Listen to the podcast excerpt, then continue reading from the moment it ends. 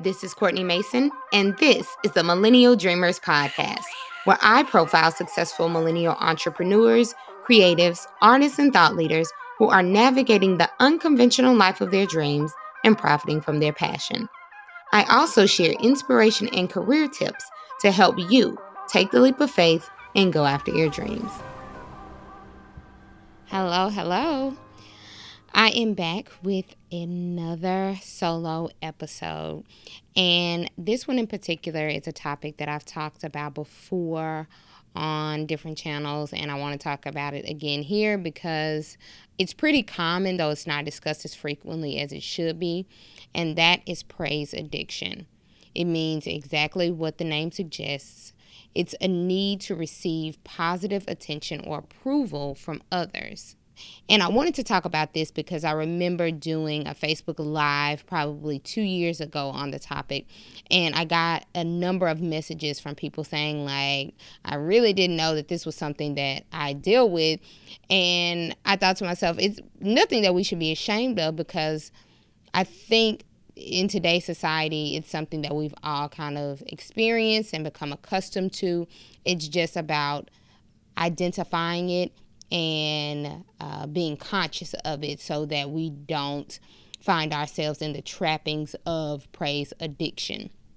So that's really why I want to talk about it because it can negatively impact both your professional and personal life if you're not conscious of it.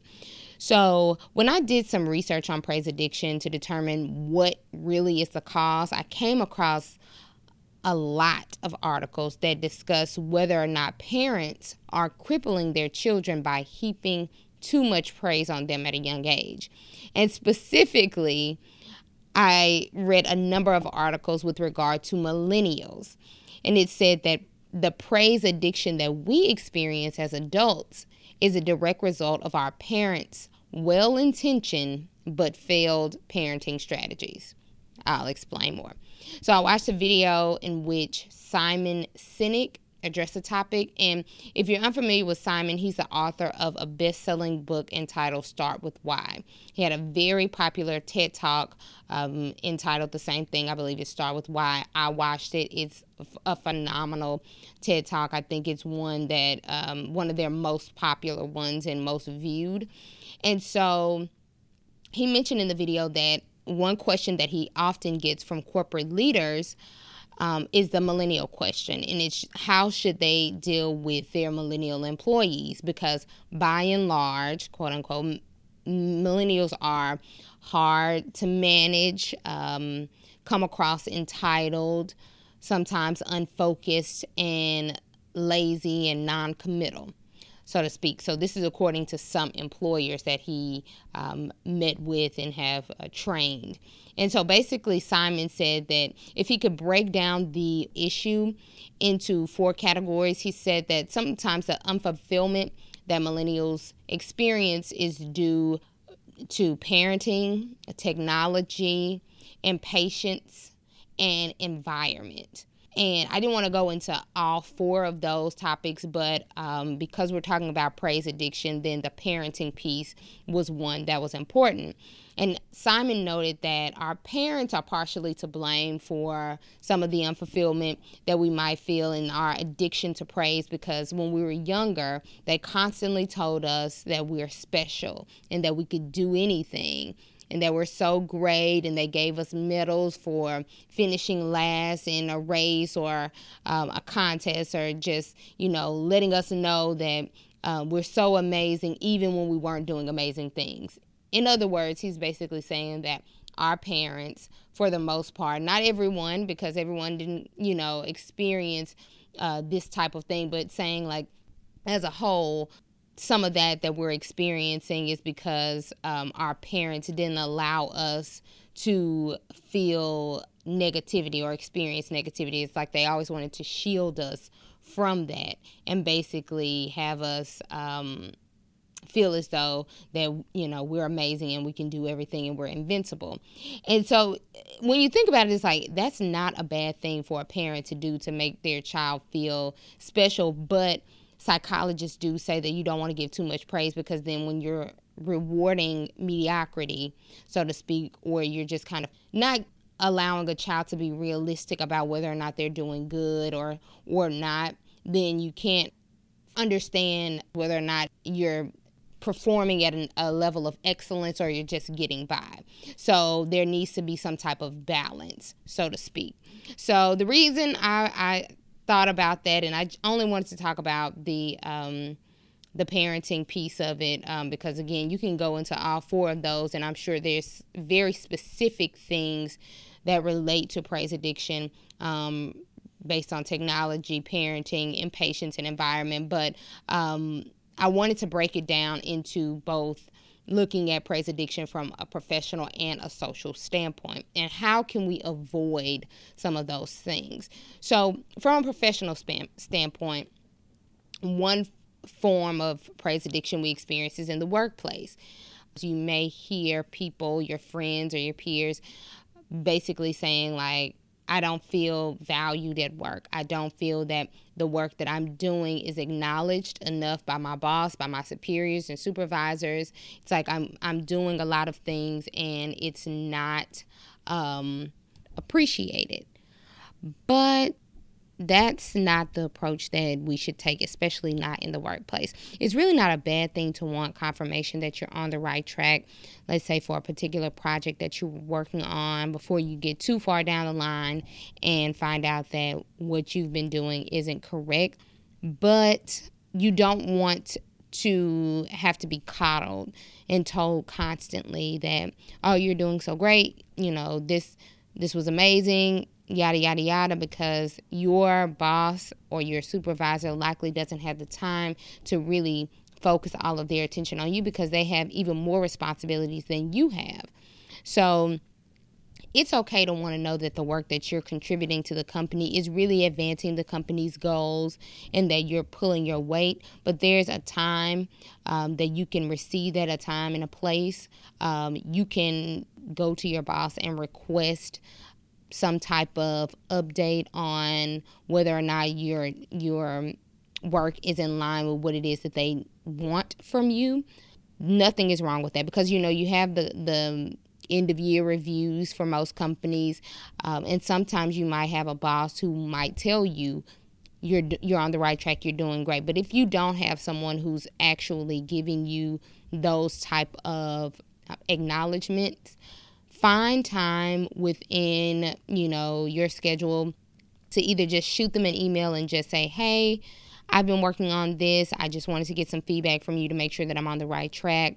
Or um, shoot them an email and say, hey, I want to sit down with you when you have a free moment on your schedule. No rush.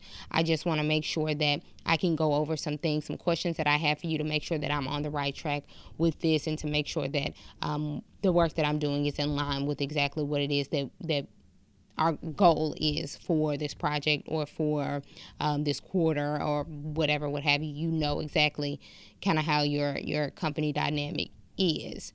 Um, so, with that said.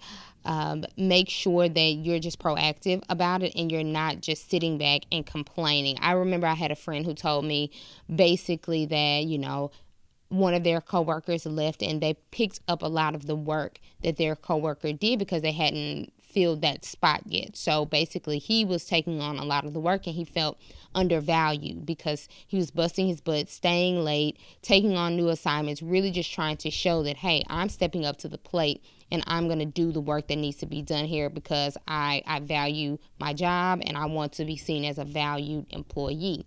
And he felt um, a way about the fact that his boss wouldn't say anything. He was just doing this work and nothing was said. And right when he was getting frustrated and after some time after some weeks maybe even months he said that you know they were in a big meeting and the main boss the you know his boss's boss basically said you know i want to take a moment to acknowledge some standout employees. We've seen the work that you've been doing. We might not say it often, um, but we are looking at the numbers and we know that you're pulling your weight and you're doing such a great job. So he got the acknowledgement that he wanted, even on a much grander scale. Um, and in a meeting, after some time had passed by, his work was not unrecognized. It just wasn't in a situation where it was always told to him that he was so great and he was so amazing. It's just like, you know, hey, continue to work, continue to do your very best and you will get that that it's not like your boss or your superiors don't see that you're doing a great job. So what can you do to make sure that you're, you know, not falling victim to that in the workplace? Encourage yourself. First and foremost, you want to make sure that you're making excellence the standard. So when you go into work and you're doing your job, make sure that you're doing it at 110%. Make sure that you know without a shadow of a doubt that your work is quality. It's timely, it's efficient, it's exactly what's asked of you, plus more. You don't just go in, get by, and say, you know, whatever, but you're doing your work to the best of your ability so that you know that, hey, I'm operating from a place of excellence. So I know that I am putting my best foot forward, even if no one else tells me. Also, something that I used to do is keep an email folder, like a, a folder in my email um, Outlook. And basically, it was any kind of praise that I would get from a, a client, a customer, a superior. I would just put it there and file it in that folder. So then when there were moments when I was feeling self conscious about something or not really sure or doubting myself, I could go back to that and just give myself that self encouragement to say, look what you've done in the past. Like you are doing a great job. Keep at it. Um, you know, and just encourage myself. So that's something that I would encourage you to do to just keep your own praise folder so that whenever you're feeling a little doubtful, you can always go back to that and pull out your receipts to know that you you are a valued employee at your job. And then also ask for feedback that is um, going to be helpful to you. You definitely want to get constructive criticism so that you can be better. It's not necessary that you always have someone tell you that you're so great, you're so great. Sometimes you might not be doing great. We are not always great in the work that we do, but if we learn from the mistakes that we might be making, then we can put ourselves in a position to do better so that we are later recognized for the good work that we're doing because there's growth there. There is is um, goodness in growth. Don't look down on the fact that you might not be doing amazing and, and being told that you're doing amazing because sometimes there might be some room for improvement, and that's okay too. So just be conscious of that and acknowledge that as well. Another thing that I would recommend is uh, give the type of energy that you want to receive in return. If you are in a position to give it a word of encouragement or motivation to a coworker or someone, one of your subordinates, someone that's working with you, whether it's an assistant, whether it's um, just someone who um, might be coming up under you, um, or that you're helping, give them the same type of encouragement and acknowledgement that you would want your your boss to give to you or someone else in the workplace because then it's almost cyclical. Um, the energy that you put out comes right back to you like a boomerang. So if you put out good energy and you see someone else busting their butt and they're doing the best that they can, let them know, like, hey, I see that you're doing great. Thank you so much for the work that you did on this. I appreciate it. It was timely. Um, give them some feedback on things that they can do. So those are some things that I wanted to pinpoint in in terms of the professional side of it and how we can avoid praise addiction and um, grow from that and not be overcome by it. But then also on the social side, because we can also fall victim of praise addiction in our personal lives as well. We're all now on social media. You'll be hard pressed to find someone, a millennial especially, that's not on at least one social media platform. And what you might sometimes find is that we post a picture or a video of some sort or a piece of content. Say you're a writer and you're a content creator or you, um, you just create visuals or whatever it is that you decide to share on your personal social media pages or just in general. You might just share it with friends and family. What we do is that as soon as you post or publish that picture, that video, that piece of content, it's like you you sit there. We all do it. I sit there as well, and sometimes you monitor to see what the reaction is. Right? Am I getting some positive feedback? Am, are the the likes coming in? Are the comments coming in? What are people saying about the thing that I posted and I published? And it's like dopamine, right? It's like a drug. It's that adrenaline to know, like, am I being validated? And you don't want to do that. If we can just be conscious of that sometimes and realize when we're doing that, because I know it's it's normal. You post something and, and nine times out of ten you're not gonna just post it and then go about the rest of your day and forget about it. Some people do, but most don't. And you'll like find yourself refreshing the page or refreshing that post, you know, every couple 15 to 30 minutes to see what's new. Who else has said something? Have have I gotten a message? Have I gotten a comment? Because it feels good to have that type of validation a way to not do that is to just be conscious of it first and foremost, um, because it's it's something that we all deal with. But you don't want to be dependent on other people's validation of you because you're allowing yourself in and every when I'm saying you, I, am included right in this. We allow ourselves to be validated by external factors, and what we have to do is really just look within and say, like, you know what? I think I look damn good in this picture. I think I look, did amazing in this video. For me, I post dance videos sometimes on my page, and people that follow my personal page know that, like, if I go to a dance class and whether or not I killed it or not, I probably was falling or tripping or forgot a step or something. If I like the video and it makes me happy, I'm going to post it on my stories or something and just share it because that's something that I enjoy. It's something that I wanted to put out there. Whether or not a bunch of people respond and say you did great, or no, or no one responds. I put it out there because I wanted to, right? And so we have to just get in the habit of that and not be so embarrassed by something. And then I know friends who said like, I didn't get enough likes on this poster. I must didn't post it at the right time because there are not enough likes coming in. So I'm gonna take it down and repost it tomorrow morning. And it's like that sounds crazy, right? Because the algorithms for social media are such that sometimes you might post something at one point and people won't see it for days. And it doesn't mean that they just didn't scroll by it and didn't like it. They just haven't seen it yet. So we get caught up in it in the you know, and it's really an algorithm thing. Sometimes it could be you could look amazing and still not get what you think that validation that you think you should be getting. So just find a way to push past that and not focus so much of your attention on it and go with your move whatever you feel like you want to share with the world do it.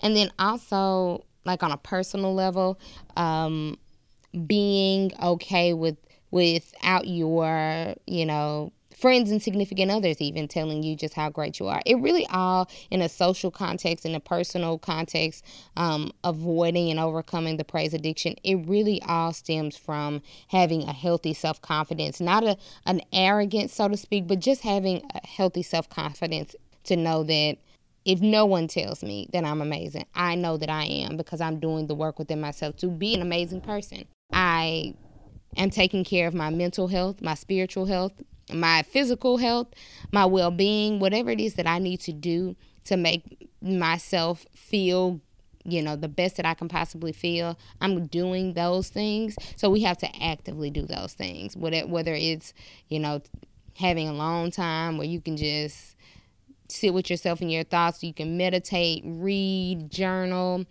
exercise, go to yoga, go to the gym, um, talk to a friend, maybe whatever it is that you need to do to make yourself um, in a position where your self esteem is not wrapped up in other people's opinions of you or not overly so, because we all kind of fall victim to wanting some level of validation, but it shouldn't be so bad that um, you just need it from whomever. Like you have to have your friends tell you that you're awesome and amazing because sometimes they won't. They might not feel awesome and amazing, so they're not going to give you all the praise that you think that you deserve. Your partner, um, whether it's your boyfriend, your husband, your fiance, whomever, um, they might not give you all the praise that, that you think you deserve. They might t- might not tell you that you're beautiful every single day or you know all the times that you want to be told that, but you should feel beautiful or handsome on your own without them saying it. And then also just letting them know like if that's one of your love languages like okay, it might be helpful if you do tell me every now and then because it, it helps me out. But just being confident will do so much more to help combat that praise addiction so that we are not so fixated on other people's opinions of us and that it won't we won't be crippled by it and can't just live a flourish and thriving lifestyle. So that is why I want to tackle praise addiction. Um, it's a very interesting topic for me. If you're really into it and interested, I would say um, watch Simon Sinek's video about the millennial question and also just read various articles about praise addiction and how you can avoid it um, because it's really kind of telling what is said about millennials specifically and how um, we have to do a better job of not falling um, victim to uh, praise addiction. I hope you enjoy this episode please share with a friend, a loved one, if you really enjoyed it and really got a lot out of it. And then also, do me a solid and leave a review and a rating for the podcast because it really helps to spread the word and, and get the podcast in front of more people like you who would be interested in um, the content that we share on here. I thank you so much for rocking with me. It never goes unnoticed, it's always appreciated. And I hope you have a bomb weekend. I will talk to you soon. Peace. Thanks for listening to this week's episode. But before you leave, hit the subscribe button and leave a comment. We want to know what you think about the episodes that you've heard so far. Let us know by subscribing and leaving a comment. And again, thank you for tuning in. We'll talk soon. Peace.